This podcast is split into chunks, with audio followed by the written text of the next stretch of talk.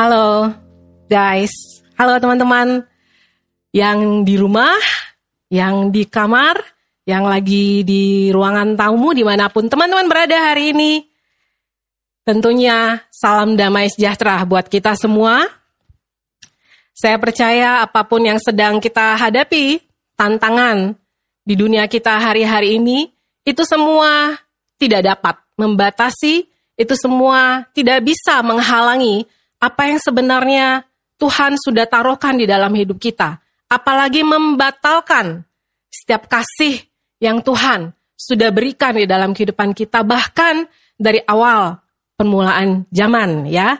Teman-teman, hari ini kita akan melanjutkan pembelajaran kita dari seri multiplikasi kehidupan Kristus MKK yaitu keep bearing fruit in every season.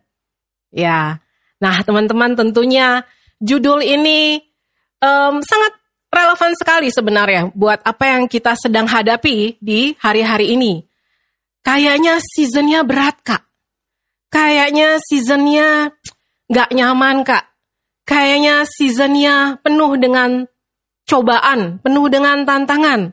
Tapi ada juga yang bilang, season kali ini kayaknya membosankan kak. Boring. Membuat aku mager di rumah.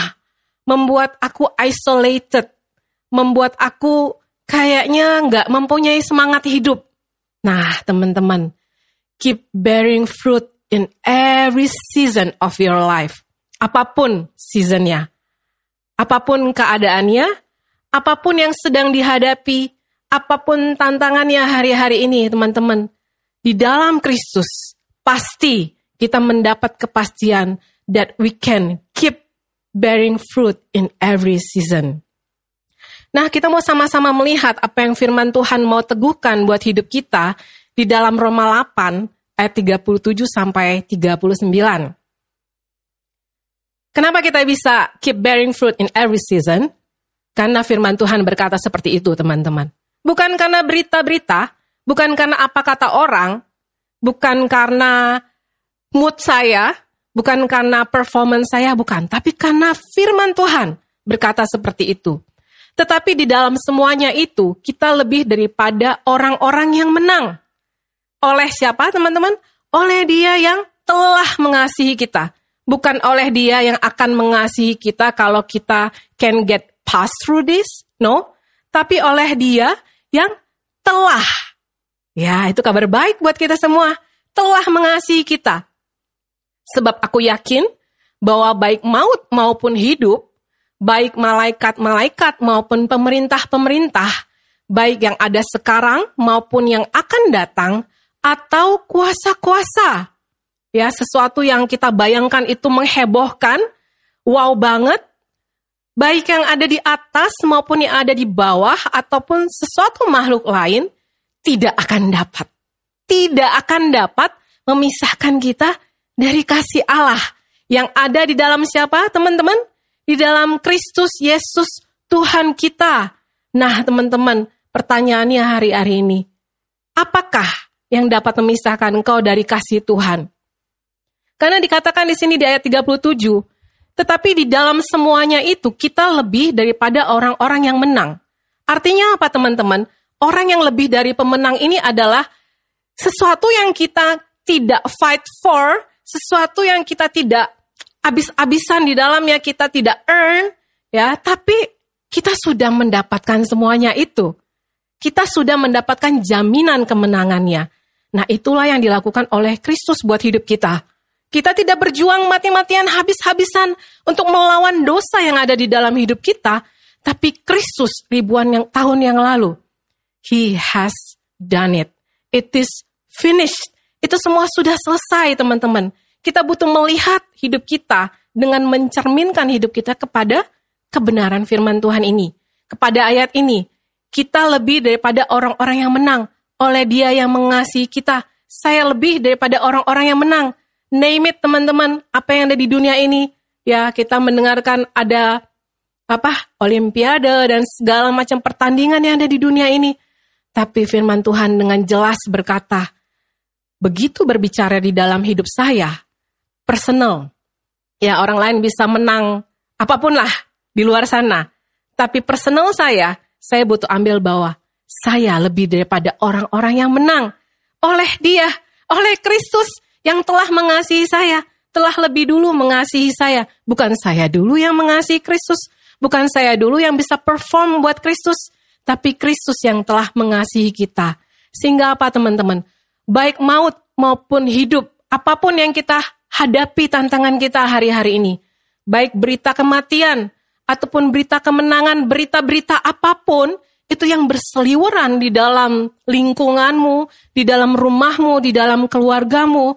Sebenarnya teman-teman, di dalam Tuhan kita bisa melihat lebih clear bahwa itu semua tidak akan dapat memisahkan kita dari kasih Allah yang ada dalam Kristus Yesus Tuhan kita. Tapi banyak anak Tuhan memberikan perhatiannya, fokusnya untuk terdistract dengan hal-hal yang tidak baik maupun hal-hal yang baik.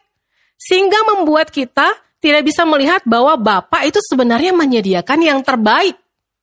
Ya, di dalam hidup kita kita terdistract aja mempertahankan apa yang baik menurut saya, apa yang baik menurut masyarakat, apa yang baik menurut orang-orang yang hidupnya juga nggak benar-benar banget, Kemudian kita mengkonklusikan itu sebagai sesuatu yang baik, kita perjuangkan, kita habis-habisan berdebat di sana, dan kemudian kita juga menilai sesuatu yang tidak baik itu, dan kita menghempaskan dengan gampangnya, tapi somehow, somewhere teman-teman, kita terdistract dengan semua hal itu, sehingga kita tidak bisa mengharapkan, menantikan, mendapatkan sesuatu yang terbaik yang Bapak sudah siapkan buat hidup saya buat hidup engkau.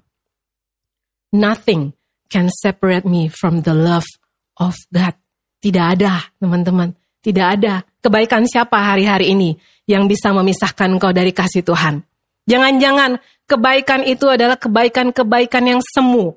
Jangan-jangan kebaikan itu adalah kebaikan-kebaikan yang kamuflase. Jangan-jangan kebaikan-kebaikan itu adalah kebaikan-kebaikan yang hanya dinilai dari perbuatan manusia. Maukah hari ini teman-teman kita sama-sama masuk lebih dalam lagi untuk melihat bahwa sebenarnya apa pun keadaan kita hari-hari ini, tidak ada yang bisa memisahkan kita daripada kasih Tuhan. Ya, kitab Yeremia bilang seperti ini, Yeremia 17 ayat 7 sampai 8. Diberkatilah orang yang mengandalkan Tuhan, yang menaruh harapannya pada Tuhan, ia akan seperti pohon yang ditanam di tepi air, yang merambatkan akar-akarnya ke tepi batang air dan yang tidak mengalami datangnya panas terik, yang daunnya tetap hijau, yang tidak khawatir dalam tahun kering, dan yang tidak berhenti menghasilkan buah. Wow. Saya mau, teman-teman. Teman-teman mau? Saya mau. Saya mau hidup saya dibangun, dipersiapkan menjadi orang yang seperti ini. Orang yang diberkati karena apa? Karena mengandalkan Tuhan ya. Di bahasa aslinya adalah patah ya, mengandalkan Tuhan, mengandalkan kekuatan Tuhan, mempunyai confidence, put confidence in the Lord yang menaruh harapannya, yang menaruh assurance-nya, yang menaruh kepastiannya kepada Tuhan. Ada beberapa waktu yang lalu yang bertanya kepada saya, udahlah jangan seyakin itulah sama firman Tuhan yang make sense aja hidupnya. Teman-teman, saya tanya sama dia, kalau firman Tuhan saya nggak bisa jadikan sebagai sesuatu yang pasti di dalam hidup saya, apalagi? Karena firman Tuhan itu yang kekal, firman Tuhan itu yang tetap dari dulu, sekarang sampai selama-lamanya. Firman Tuhan itu yang teruji, yang tidak tergoncangkan. Bahkan firman Tuhan itu yang sanggup membawa diri saya untuk berjalan dari titik awal ke titik pertengahan titik sekarang dan sampai akhirnya nanti hanya firman Tuhan yang sanggup membawa diri saya datang kepada jaminan yang pasti. Nah, teman-teman, ia akan seperti pohon yang ditanam di tepi air. Ya, hidup saya tidak mau jauh-jauh dari air. Hidup saya tidak mau jauh-jauh dari sumber air kehidupan dan saya mau merambatkan akar-akar saya ke tepi batang air dan yang tidak mengalami datangnya panas terik. Panas terik ada nggak teman-teman? Ada. Ya. Tantangan ada nggak? Ada. Keadaan tidak ideal ada nggak? Ada. Tapi bagaimana saya tidak mau ditentukan Saya tidak mau layu. Saya tidak mau didikte oleh setiap keadaan, situasi, season yang ada. Sehingga apa? Daunnya tetap hijau, yang tidak khawatir dalam tahun-tahun kering, dan yang tidak berhenti menghasilkan buah. Bearing fruit in every season. Teman-teman, maukah teman-teman menjadi anak-anak Bapak, ya, orang-orang percaya yang diberkati. Karena apa? Karena mengandalkan Tuhan, diberkati karena mengenaruh pengharapan pada Dia yang akar-akarnya ya yang di dalam saya itu dirambatkan, dikonekkan, mengambil sumber kepada mata air yang kekal itu. Sumber air yang kekal itu yaitu kehidupan Kristus itu sendiri teman-teman.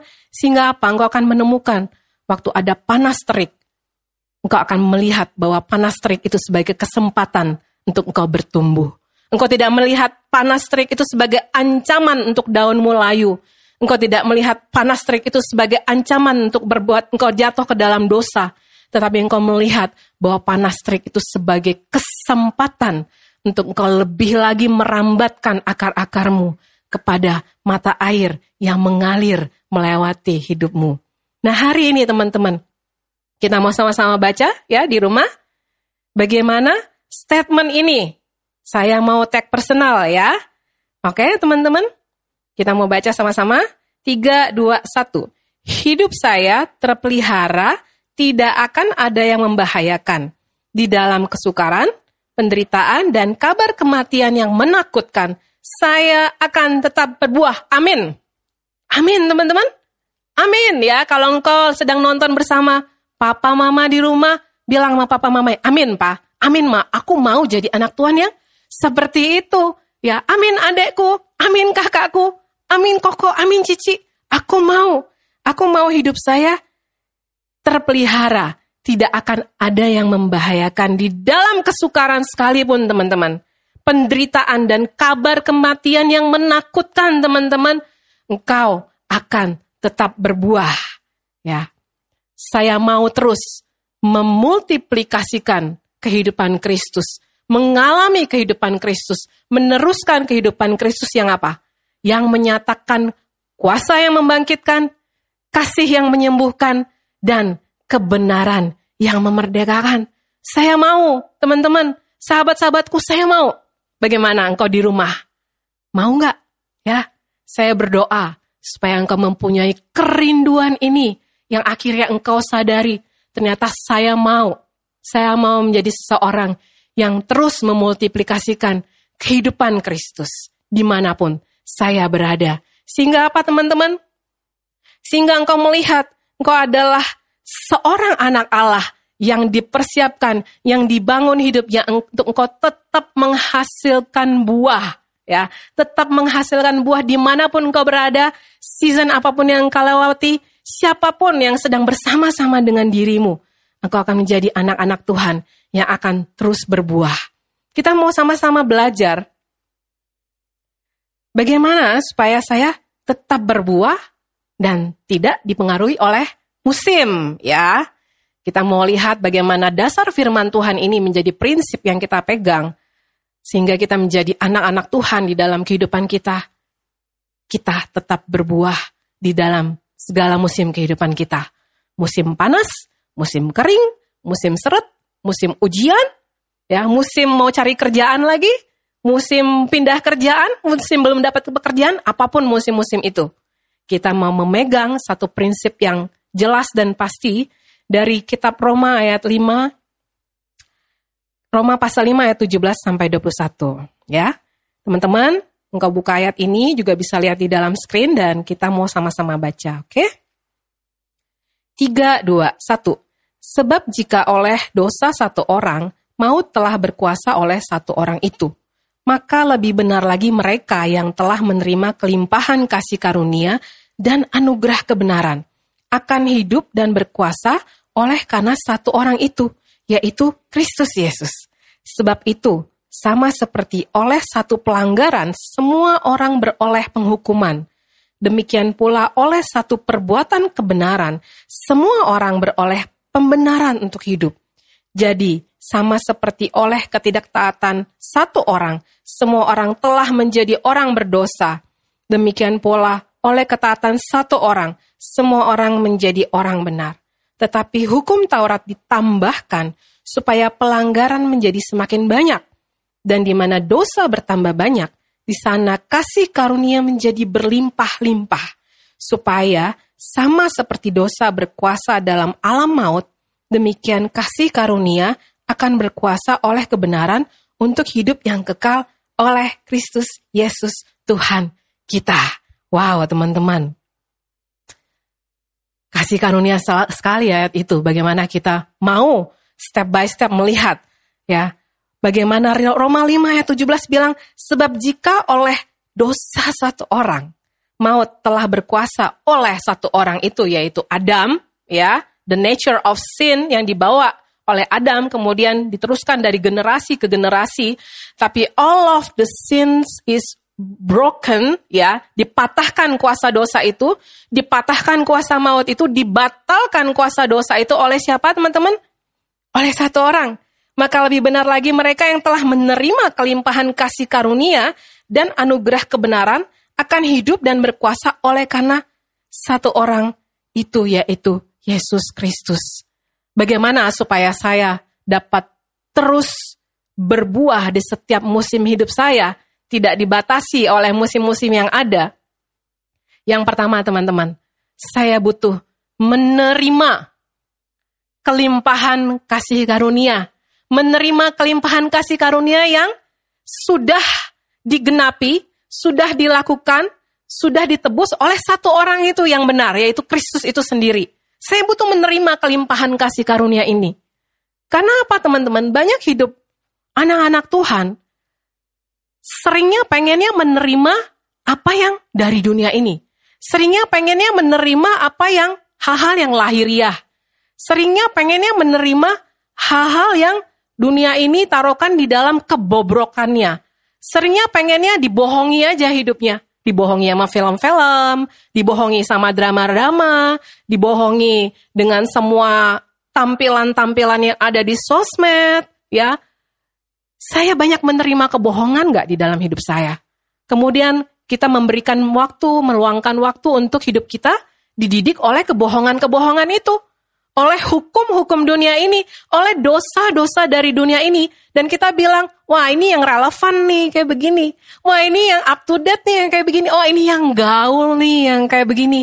Oh ini yang kayak begini nih yang dunia nanti-nantikan. Teman-teman, hari-hari ini, kalau firman Tuhan bilang menerima kelimpahan kasih karunia, hari-hari ini apa yang kau banyak terima? Apa yang kau banyak masukkan ke dalam hidupmu? Sedangkan teman-teman, di dalam perjalanan hidup kita setelah kita lahir baru, yang saya butuh buang adalah apa yang dari dunia ini. Kebohongan dunia ini saya butuh buang, penilaian dunia ini saya butuh buang, pola-pola cara hidup dunia ini saya butuh buang. Sehingga apa? Saya bisa menerima dengan lemah lembut setiap firman yang sanggup menyelamatkan jiwa saya. Saya bisa menerima dengan lemah lembut kelimpahan kasih karunia yang sudah dilakukan oleh Yesus Kristus itu sendiri. Galatia 5 ayat 4 bilang seperti ini, teman-teman. Kamu lepas dari Kristus jikalau kamu mengharapkan kebenaran oleh hukum Taurat. Kamu hidup di luar kasih karunia. Artinya apa teman-teman? Bukannya engkau ditolak dari kasih karunia bukan? Bukannya engkau jadi dis apa? Didiskreditkan dari kasih karunia bukan, tapi pilihan di dalam hidupmu waktu engkau melepaskan dirimu dari kasih karunia, waktu engkau tidak lagi menganggap kasih karunia sebagai sesuatu yang prioritas, yang penting di dalam hidupmu, kemudian engkau mengambil bahwa dari dunia ini yang penting. Engkau mengambil bahwa penilaian dunia ini yang penting. Engkau mengambil bahwa jatuh dalam dosa itu lebih nikmat. Engkau mengambil bahwa tipu daya dunia ini lebih penting. Artinya apa teman-teman? Engkau sedang membawa dirimu untuk tidak melihat hidupmu dari kasih karunia lagi. Engkau sedang membawa dirimu untuk melihat hidupmu dari sisi penghukuman. Engkau melihat, membawa dirimu untuk melihat dari sisi penilaian. Engkau membawa dirimu untuk melihat hidupmu dari sisi benar atau salah. Engkau membawa dirimu untuk melihat dari sisi adil nggak adil menurut dunia ini. Tapi maukah kita hari-hari ini kita kembali untuk melihat bahwa hidup saya Saya mau menerima kelimpahan kasih karunia itu. Sehingga saya tidak mau hidup di luar kasih karunia. Tidak sanggup teman-teman hidup di luar kasih karunia itu. Nggak bisa. Itu mustahil untuk kita menyenangkan Tuhan. Untuk kita ada di dalam Tuhan. Untuk kita menangkap hati Tuhan. Kalau kita hidup di dalam hukum Taurat. Kalau kita hidup ditentukan dari perbuatan saya lebih hebat, dia kurang hebat. Tidak bisa teman-teman. Itu bukan cara kerja kasih karunia. Tapi bagaimana teman-teman kita menyadari bahwa di dalam kasih karunia saya menerima kasih. Nah, banyak orang teman-teman saya temui sulit sekali menerima kasih. Ya, mungkin sering ya ngomong thank you, terima kasih. Tapi kenyataannya sulit sekali menerima kasih. Yang dia lihat adalah apa? Aku layak kok, aku perform. Aku oke okay kok, aku hebat. Aku lebih benar kok. Ya, Aku lebih oke okay kok, aku lebih bisa kok. Itu yang salah, saya yang benar. Dia harusnya minta maaf. Kemudian apa teman-teman? Kita kejebak di dalam sampah tipu daya dunia ini. Penghukuman dari dunia ini. Yang kita terima apa? Yang kita terima adalah penilaian sehingga kita menilai orang lain. Yang kita terima adalah penghukuman. Waktu saya salah, saya harus menghukum diri saya. Kalau saya nggak nggak bisa dihukum, at least orang lain yang harus dihukum. Sehingga sulit rasanya buat anak-anak Tuhan sekarang untuk menerima kelimpahan kasih karunia ini. Banyak anak-anak muda sulit untuk berterima kasih sama orang tuanya. Karena yang dia lihat apa? Dia melihat orang tuanya dari sisi hukuman terus. Menghukum orang tuanya. Supaya orang tuanya merasa menyesal dengan apa yang menjadi perkataannya. Menilai orang tuanya. Kemudian apa teman-teman? Orang tuanya masih ngomong, pintunya dibanting, ditutup supaya apa? Supaya orang tuanya merasa ber, bersalah. Ngomong sama orang tuanya lulu gue gue. Waduh teman-teman, enggak enggak kayak gitu. Menerima kelimpahan kasih karunia akan membawa kita untuk menghormati orang tua kita. Menerima kelimpahan kasih karunia akan membawa kita untuk mengasihi, menyayangi orang tua kita dengan kasih karunia yang kita terima. Banyak anak-anak Tuhan, teman-teman, yang dia terima apa? Berita-berita dari sosmed. Sehingga apa? Hidupnya pengennya kayak sosmed si A, si B, si C. Kemudian apa? Banyak anak-anak Tuhan, anak-anak muda hari-hari ini, pengennya hidupnya penuh dengan banyak informasi. Tapi nggak sanggup mengkonten setiap informasi yang dia pengen tahu. Sehingga apa? Waktu tahu hal-hal tertentu, dia kemudian merasa lebih hebat, lebih berharga, pas mempraktekin nggak bisa, Kemudian waktu nggak tahu sesuatu merasa kudet, ya kudet tau ya, kurang update, ya merasa nggak berharga karena nggak dikasih tahu sama temennya. Kok gue nggak diinfo sih kayak gini? Ya ngambek. Kenapa dia dulu yang harus de dengar duluan? Kenapa gue nggak dengar duluan? Ngambek, baper, kemudian mendiamkan teman-temannya, menghukum teman-temannya. Nah teman-teman, jangan, jangan. Kalau engkau seperti itu, engkau akan merasakan kau merana sekali di setiap musim.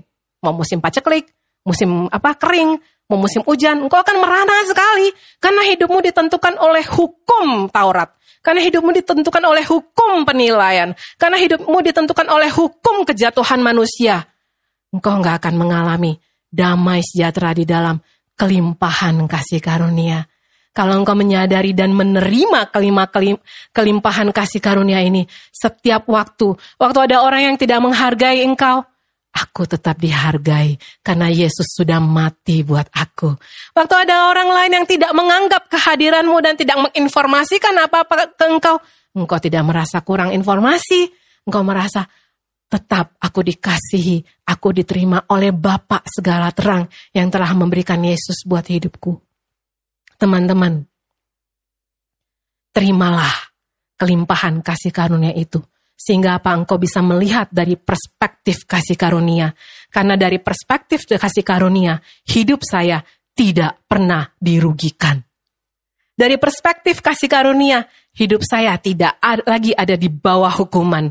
Dari perspektif kasih karunia, hidup saya tidak bisa dinilai didikte oleh dunia ini. Tapi di dalam perspektif kasih karunia, I am a grateful woman. I am a grateful man of God. I'm a grateful son and daughter. I'm so grateful for my family. I'm so grateful for my parents. I'm so grateful for my sister, for my brother. I'm so grateful for my community. Teman-teman, terimalah. Terimalah kelimpahan kasih karunia itu. Yang kedua, teman-teman. Bagaimana supaya kita hidup tetap berbuah dan tidak dibatasi oleh musim? Ya, setelah saya menerima, saya butuh untuk berjalan dan bertumbuh di dalam kasih karunia. Ya, kita mau sama-sama baca ayat ini ya. Teman-teman bisa baca di rumah juga. 3, 2, 1. Sebab itu, sama seperti oleh satu pelanggaran, semua orang beroleh penghukuman. Demikian pula oleh satu perbuatan kebenaran, semua orang beroleh pembenaran untuk hidup. Wow, teman-teman, di sini saya dibenarkan loh. Waktu saya berjalan, waktu saya bertumbuh di dalam kasih karunia, artinya saya mendapati kebenaran yang bukan dari hasil perbuatan saya. Bukan mendapatkan kebenaran dari sesuatu yang saya fight for, tapi bagaimana saya mengalami waktu saya berjalan dan bertumbuh di dalam kasih karunia, artinya saya berjalan dan bertumbuh di dalam pembenaran yang Kristus sudah lakukan buat hidup saya. Sehingga hidupnya nggak serba salah, teman-teman. Sehingga hidupnya nggak serba bingung. Kalaupun bingung, cepat-cepat pegang sama firman Tuhan. Dan melihat bahwa saya ini sedang berjalan dan bertumbuh di dalam pembenaran yang Kristus lakukan buat hidup saya. Kalaupun goyang, kalaupun merasa serba salah, merasa dilema, cepat-cepat melihat bahwa saya ini sedang berjalan dan bertumbuh di dalam kasih karunia yang sudah Yesus lakukan buat hidup saya. Hal ini diteguhkan di 2 Petrus 3 ayat 18a teman-teman. Di situ dikatakan, tetapi bertumbuhlah dalam kasih karunia dan dalam pengenalan akan Tuhan dan Juru Selamat kita, Yesus Kristus. Jadi sulit teman-teman kalau engkau hidupmu mau bertumbuh, setiap hari mau bertumbuh di dalam kebenaran yang memerdekakan, di dalam kasih yang menyembuhkan, tapi engkau bertumbuh, bertumbuhnya pengennya dengan caramu sendiri. Engkau pengennya bertumbuhnya dengan cara dunia ini apalagi. Pengennya bertumbuhnya di dalam cara-cara hal-hal yang dunia ini wajarkan. Ya, sulit sekali teman-teman. Tetapi waktu saya mau bertumbuh di dalam kasih karunia dan di dalam pengenalan akan Tuhan dan juru selamat kita, Tuhan Yesus Kristus, saya akan melihat bahwa perjalanan saya semakin hari semakin mengenal Bapak yang benar dengan benar. Perjalanan saya semakin hari semakin menyadari bukan karena kekuatan saya, bukan karena kehebatan saya, apalagi karena kegagalan saya. Kemudian saya menghukum diri saya. Bukan teman-teman, tetapi bertumbuhlah di dalam kasih karunia. Banyak anak-anak muda hari-hari ini pengennya cepet ya, cepet berjalannya pengen cepet, pengen cepet action, pengen cepet bertumbuh, pengen semuanya cepet ada, semuanya cepet punya, sehingga tidak bisa embrace every process yang melibatkan hubungan pengenalan dia dengan Bapak. Pengennya kalau gitu boleh atau nggak boleh kak? Kalau gitu iya atau enggak kak? Kalau gitu apa kak? Kasih tahu step by stepnya. Teman-teman, kalau cuman kayak gitu, you will miss pengenalannya. Engkau akan melewati proses bagaimana hidupmu dipimpin untuk berjalan, bertumbuh di dalam kasih karunia itu. Bagaimana engkau berjalan dengan identitas anak Allah, bukan dengan identitas perbuatanmu, apalagi identitas pekerjaanmu, bukan dengan lagi bertumbuh dengan performancemu. Karena teman-teman, hari ini engkau bisa performance dengan bagus, dua jam lagi, waktu atasanmu nggak setuju, engkau bisa dijatuhkan. Dan bisakah engkau bertumbuh dengan keadaan seperti itu? Tapi teman-teman, bertumbuhlah dalam kasih karunia dan dalam pengenalan akan Tuhan dari juru selamat kita Yesus Kristus. Ada anak-anak muda yang mau mengenal dirinya dari sosmed. Contohnya apa teman-teman? Ada figur-figur tertentu, kemudian dia dalami hidupnya. Mendalami hidupnya dari orang-orang tertentu yang dia prefer aja. Baik itu yang negatif maupun yang positif. Dan kemudian dia mencerminkan hidupnya profiling ya hidupnya, profiling identitasnya dengan orang-orang yang ada di sosmed ini dan kemudian dia cerita ini gua banget. Ini bapernya kayak gua banget. Profile ini mengerti gue banget. Artis ini gue banget. Teman-teman, gak bisa. Gue akan menemukan satu hari engkau akan tetap desperate. Dan ada lagi teman-teman, yang profiling identitasnya dari apa? Dari drama-drama, twisted plot. Pengennya cari-cari drama yang twisted plot, yang ribet banget. Ya, karena dia merasa hidupnya ribet. Jadi harus nonton drama yang ribet. Kalau drama yang ringan, wah ini mah enteng. Hidup gue nggak seenteng ini bro, sis. Hidup gue seribet ini. Sama kayak twisted plot ini. Kemudian apa teman-teman? Jadi bawaannya curigaan terus sama orang lain. Waktu hidupnya mau dibangun, dia curiga. Waktu hidupnya mau dibantu, dia curiga. Waktu mau dikunjungi, dia curiga. Terus plot, plotnya apa nih dari PKS gua mau mengunjungi gua? Apa nih nanti endapnya? Teman-teman, bertumbuhlah di dalam kasih karunia. Ya, hal ini diteguhkan lagi dengan Efesus teman-teman.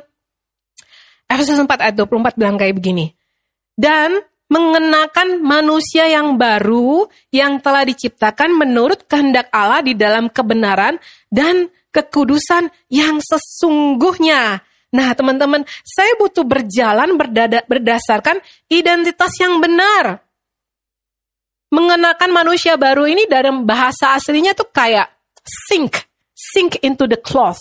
Ya, teman-teman, pakai baju tuh tenggelam di cover. Ya. Saya butuh untuk berjalan berdasarkan identitas yang benar sebagai anak Allah yang dikasihi bukan berdasarkan keberhasilan saya apalagi kegagalan saya. Sehingga engkau nggak perlu mencari-cari identitasmu di luar sana. Ya, banyak orang pengennya surfing di internet, tapi apa yang terjadi? Banyaknya tenggelam di internet. Bukan surfing ya. Nggak bisa nggak nggak pandai surfing nggak terlatih buat surfing. Ya surfing itu kan di permukaan ya teman-teman ya. Ya kalau nggak salah begitu bener kan? Ya surfing itu di permukaan. Tapi banyak anak-anak Tuhan dia nggak surfing ya di internet. Dia tenggelam ya. Diving mungkin masih ada skill ya untuk mm, menggeluti hal tapi tenggelam terbawa arus dan kehilangan identitas yang sesungguhnya yang Bapak sudah taruh di dalam hidupmu. Don't lose your identity. Karena dunia ini teman-teman sedang lenyap dengan keinginannya. Jangan mau lenyap seperti dunia ini. Tapi susah kak, saya nggak bilang gampang. Makanya butuh kasih karunia. Kalau gampang, nggak butuh kasih karunia teman-teman. Nggak mungkin kak, memang nggak mungkin. Makanya butuh kasih karunia. Makanya Yesus sudah lakukan buat kita berjalan dan bertumbuh di dalam kasih karunia Tuhan, teman-teman. Jangan takut salah. Banyak anak-anak Tuhan karena hidupnya terpaku ya anak-anak muda terpaku dengan kesuksesan-kesuksesan orang-orang tertentu. Kemudian dia mendikte hidupnya, memplot hidupnya, tidak boleh salah. Kalau salah, gue harus menghukum diri gue. Ya, jangan takut salah teman-teman. Toh intensi hatimu kan bukan buat salah. Ya, Kecuali intensi hatinya buat salah. Ya jangan ketemu dengan pemuridmu, ketemu dengan kakak PKSmu dan cerita kenapa intensinya pengen salah melulu gitu. Berjalan dan bertumbuh di dalam kasih karunia. Sehingga waktu engkau berjalan, waktu engkau bertumbuh, engkau berjalan dan bertumbuh dengan langkah yang ringan. Karena engkau membawa identitas anak Allah. Engkau tidak membawa identitas palsu yang dunia ini terus taruhkan Ya, seperti Bartimeus, teman-teman ingat? Beberapa bulan yang lalu, kita mempelajari kisah Bartimeus ini, dia melepaskan jubahnya, jubah pengemisnya, dan kemudian dia berjalan. Dia tidak lagi hidup sebagai seorang pengemis. Dia tidak hidup lagi sebagai seorang korban. Jangan berjalan dan bertumbuh sebagai seorang korban, teman-teman. Sehingga waktu engkau berpikir dirimu adalah korban, jadi tiap hari yang kau pikir juga adalah bagaimana orang lain juga jadi korban. Tapi berjalan dan bertumbuh di dalam kasih karunia, sehingga apa teman-teman? Engkau akan ketemu orang lain dan engkau akan mendatangkan kasih karunia buat orang-orang itu. Kasih karunia yang berlimpah-limpah teman-teman. Berjalan dan bertumbuhlah di dalam kasih karunia. Yang ketiga teman-teman. Bagaimana supaya saya tetap berbuah di setiap musim Saya butuh tinggal, abide, tinggal di dalam kasih karunia dan kuat oleh kasih karunia. Roma 5 ayat 20 sampai 21. Tetapi hukum Taurat ditambahkan supaya pelanggaran menjadi semakin banyak dan di mana dosa bertambah banyak, di sana kasih karunia menjadi berlimpah-limpah. Supaya sama seperti dosa berkuasa dalam alam maut, demikian kasih karunia akan berkuasa oleh kebenaran untuk hidup yang kekal oleh Yesus Kristus Tuhan kita. Wow. Teman-teman, saya butuh tinggal di dalam kasih karunia dan kuat oleh kasih karunia. Karena apa? Di ayat 20 dikatakan, di mana dosa bertambah banyak, di sana kasih karunia menjadi berlimpah-limpah, teman-teman. Bukan artinya uh, tetapi hukum Taurat ditambahkan supaya pelanggaran menjadi semakin banyak bukan berarti ya udah disengajain jadi tambah banyak bukan teman-teman. Artinya begini. Tetapi hukum Taurat waktu hukum itu ditaruhkan akan kelihatan, akan terhitung pelanggarannya. Sama kayak misalnya ada di persimpangan, ya waktu itu belum ada lampu merah, ya bisa ada pelanggaran, bisa ada orang ketabrak, bisa ada mobil yang benturan, kegesek dan segala macam karena belum ada lampu merah. Tapi waktu udah ada lampu merah, waktu ada yang lampu merah juga tetap nyelonong gitu, nah dia udah langsung kena sanksi. Dan terhitung Ya. Pelanggarannya diperhitungkan, jadi terhitung. Tetapi kabar baiknya teman-teman, dan di mana dosa bertambah banyak di bahasa aslinya adalah pleonazo, bertambah banyak di sini, bisa dihitung, sakit penyakit bisa dihitung, angka-angka bisa dihitung ya, angka-angka yang muncul itu bisa dihitung, tetapi di sana kasih karunia menjadi berlimpah-limpah. Ternyata, ternyata di situ karis huper perisio. Kasih karunia itu adalah karis. Huper perisio artinya apa teman-teman? Abound, exceedingly. Artinya tidak terhitung. Oke, banyak pelanggaran. Oke, banyak sakit penyakit. Oke, banyak ketidakidealan. Oke, banyak yang kalau lagi kelas videonya dimatiin, ya nggak kelihatan, ya ngumpet ya mungkin lagi makan, mungkin lagi tidur ya.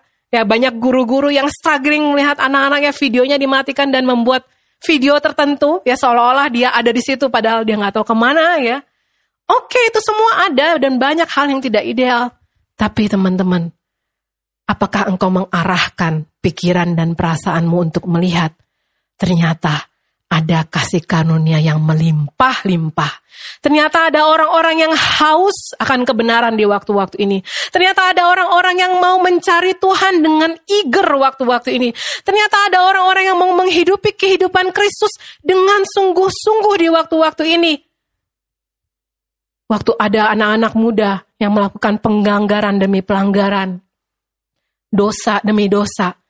Tapi apakah engkau juga melihat kasih karunia berlimpah-limpah. Ada anak-anak muda yang hari-hari ini menjaga hidupnya di dalam kekudusan Allah. Ada anak-anak muda yang hari-hari ini menjaga hidupnya untuk tidak mendengar dikte-dikte dari berita-berita. Ada anak-anak muda yang mau bersungguh-sungguh untuk mencari Tuhan, untuk mengenal Bapa yang benar. Ada anak-anak muda yang membenci dosa. Ada anak-anak muda yang mau melakukan kehendak Allah pada zamannya. Did you keep your ear to hear that? Instead of hearing semua ketidakidealan, pelanggaran, jatuh lagi, salah lagi, gagal lagi. Teman-teman, supaya sama seperti dosa berkuasa dalam alam maut, demikian kasih karunia akan berkuasa oleh kebenaran untuk hidup yang kekal oleh Kristus Yesus Tuhan kita. Berkuasa oleh kebenaran, oleh di Dikoyasonia itu artinya apa teman-teman? Saya dibenarkan oleh Kristus. Saya dibenarkan oleh Kristus. Saya dikuduskan oleh Kristus. Sehingga apa teman-teman? Saya akan melihat bahwa kasih karunia ini tidak membuat saya menjadi lembek. Kasih karunia ini tidak membuat saya menjadi kompromi. Kasih karunia ini tidak membuat saya menjadi nego dengan dosa. Tidak. Tapi kasih karunia ini akan membawa saya kuat. Membawa saya kuat dalam Kristus Yesus. Nah, teman-teman, hari-hari ini teman-teman, apakah engkau hidup tinggal di dalam kasih karunia dan kuat oleh kasih karunia itu? Trust me, kalau engkau tinggal di dalam kasih karunia, engkau tinggal di dalam identitas yang benar, engkau tinggal di dalam apa yang Yesus sudah lakukan buat hidupmu, engkau tinggal berdasarkan apa yang Yesus sudah kerjakan buat dirimu, engkau tinggal berdasarkan apa yang firman Tuhan katakan buat dirimu.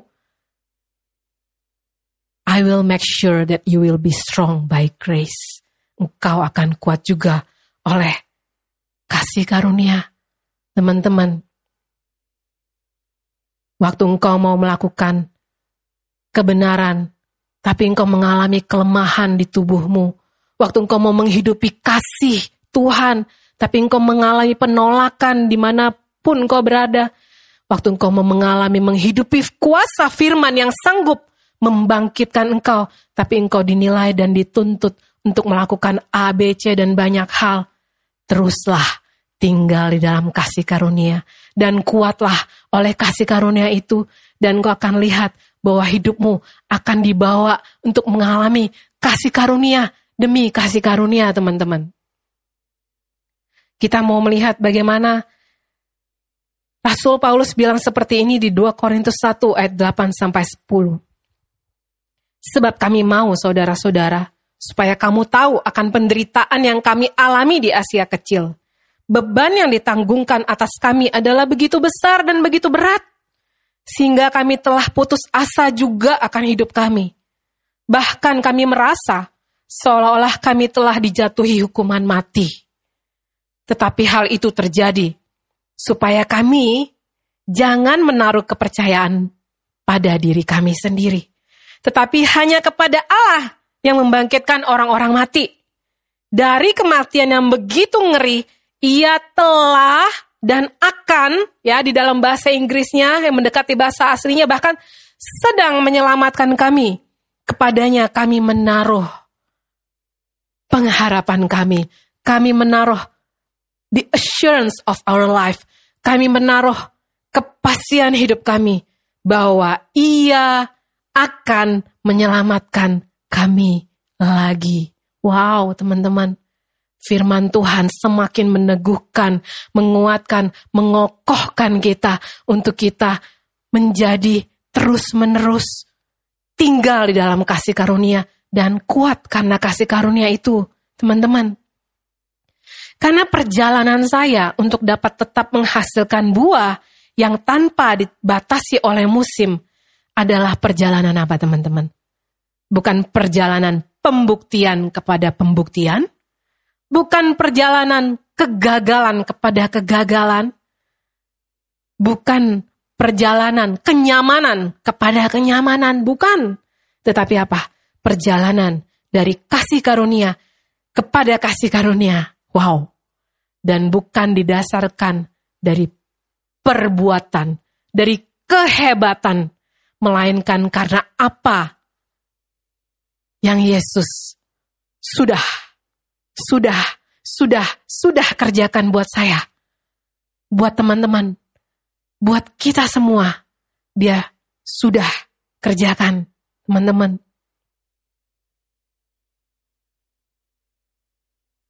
Hari-hari ini teman-teman, waktu merenungkan kasih karunia ini, tantangannya tidak gampang. Tapi kasih karunia selalu ada dan selalu berlimpah-limpah. Personally saya mau tutup sharing hari ini dengan kisah seseorang yang menginspirasi, meneguhkan, menguatkan perjalanan saya hari-hari ini. Teman-teman mungkin tidak asing lagi, kisah tentang Esther, ya. Bagaimana dia dan sepupunya Mordekai berada di tempat pengasingan, ya, karena mereka lari, ya, bangsa Yahudi waktu itu berada di dalam kerajaan Ahasiweros. Dan apa yang terjadi? Singkat cerita teman-teman. Esther kemudian ada di dalam istana karena dia dipilih menjadi ratu itu pun karena arahan, rekomendasi pimpinan, bimbingan dari Mordecai, orang yang mengcover, mengasihi, menuntun, mempersiapkan hidup Esther. Dan apa yang terjadi teman-teman? Pada waktu itu dikeluarkanlah satu dekrit protokol dari kerajaan bahwa orang-orang Yahudi waktu itu harus dihapus, dibasmi.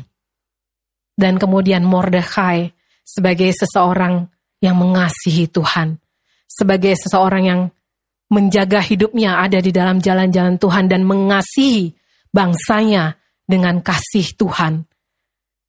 Dia mau memperjuangkan bangsanya. Dia bersedih atas bangsanya dan berita itu kemudian kedengar, terdengar ke Esther yang sedang ada di dalam istana. Ya, dan apa yang terjadi teman-teman? Mordecai kemudian meminta Esther untuk menghadap raja dan membela bangsanya. Tetapi waktu itu Esther sulit untuk menghampiri raja karena dia juga sudah 30 hari tidak bertemu dengan raja keadaan sangat tidak ideal juga menurut Esther di istana. Mungkin di luar istana sedang chaos, tapi di dalam istana Esther mungkin merasa dia juga tidak mendapat preference. Mungkin dia tidak mendapat space, tidak mendapat ruang untuk melakukan apa yang Mordecai minta. Tapi apa yang terjadi teman-teman? Mordecai ngomong kayak gini kepada Esther. Sebab sekalipun engkau pada saat ini berdiam diri saja, bagi orang Yahudi, akan timbul juga pertolongan dan kelepasan dari pihak lain. Dan engkau dengan kaum keluargamu akan binasa. Siapa tahu, mungkin justru untuk saat seperti ini, engkau beroleh kedudukan sebagai ratu. Maka Esther menyuruh menyampaikan jawab ini ke Mordecai. Pergilah, kumpulkanlah semua orang Yahudi yang terdapat di Susan dan berpuasalah untuk aku Janganlah makan dan janganlah minum. Tiga hari ramanya, baik waktu malam, baik waktu siang. Aku serta dayang-dayangku pun akan berpuasa demikian. Dan kemudian aku akan masuk menghadap raja. Sungguh pun berlawanan dengan undang-undang. Kalau terpaksa aku mati. Biarlah aku mati. Teman-teman, di sini Esther nggak bilang kita mati kamu mati. No, it started with her. If I perish, I perish. Kualitas seorang murid Kristus yang seperti ini tidak tiba-tiba, teman-teman. Saya melihat bagaimana hidup Esther. Dia di cover, dia ditemani, dia diarahkan, dia dibangun di dalam kebenaran demi kebenaran firman, sehingga kualitas hatinya adalah kualitas hati yang penuh dengan kerelaan. Dan di sini dengan jelas Mordecai berkata, di ayat yang ke-14, siapa tahu mungkin justru untuk saat yang seperti ini, for such a time like this, teman-teman, where have you been? For such a time like this, what have you done? For such a time like this, what have you believed? For such a time like this, what have you used for your time? Siapa tahu teman-teman, justru for such a time like this, engkau akan terus berbuah in every season. For such a time like this, engkau akan mengambil ini sebagai kesempatan memperkuat kepercayaanmu kepada Tuhan.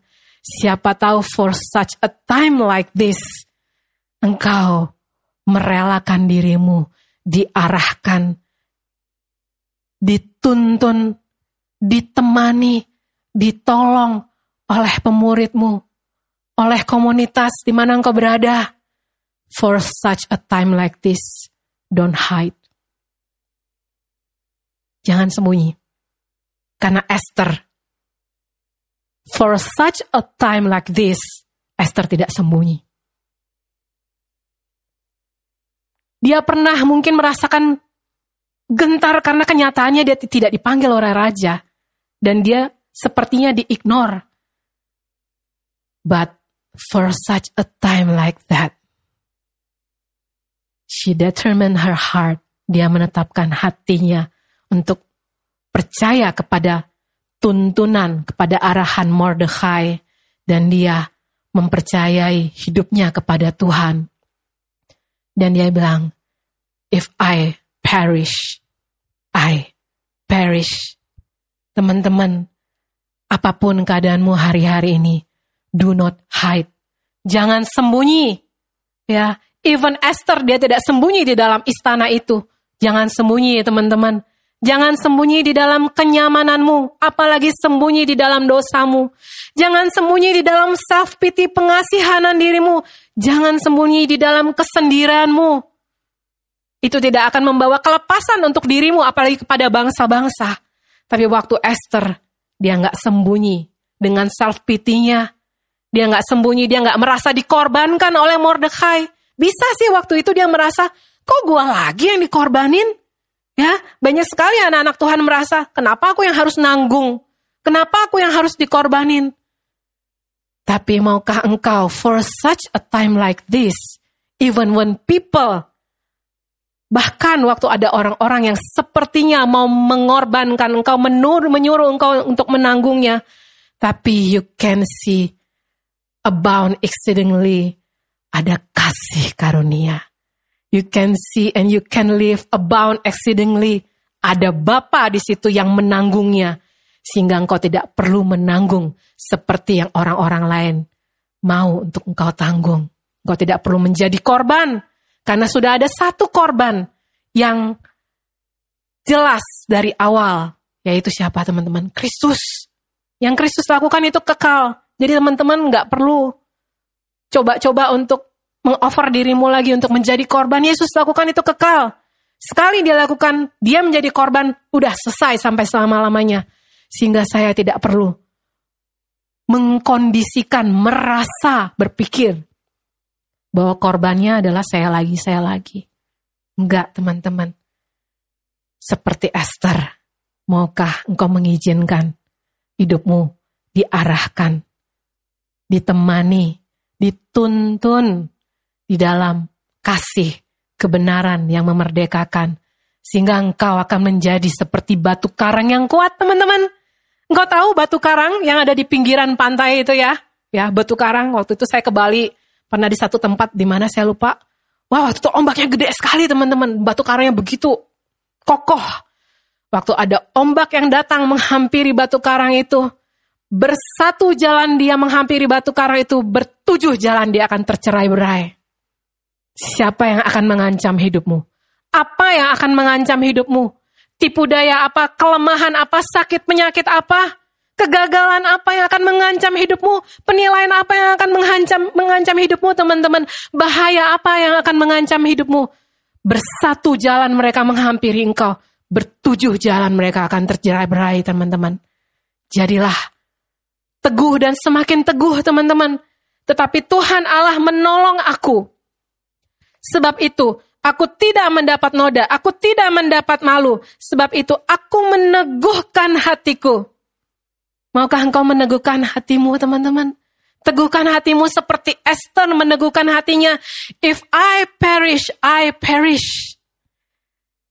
Seperti keteguhan gunung batu. Karena aku tahu bahwa aku tidak akan mendapat malu. Wow teman-teman, kasih karunia tidak pernah akan mempermalukan hidupmu.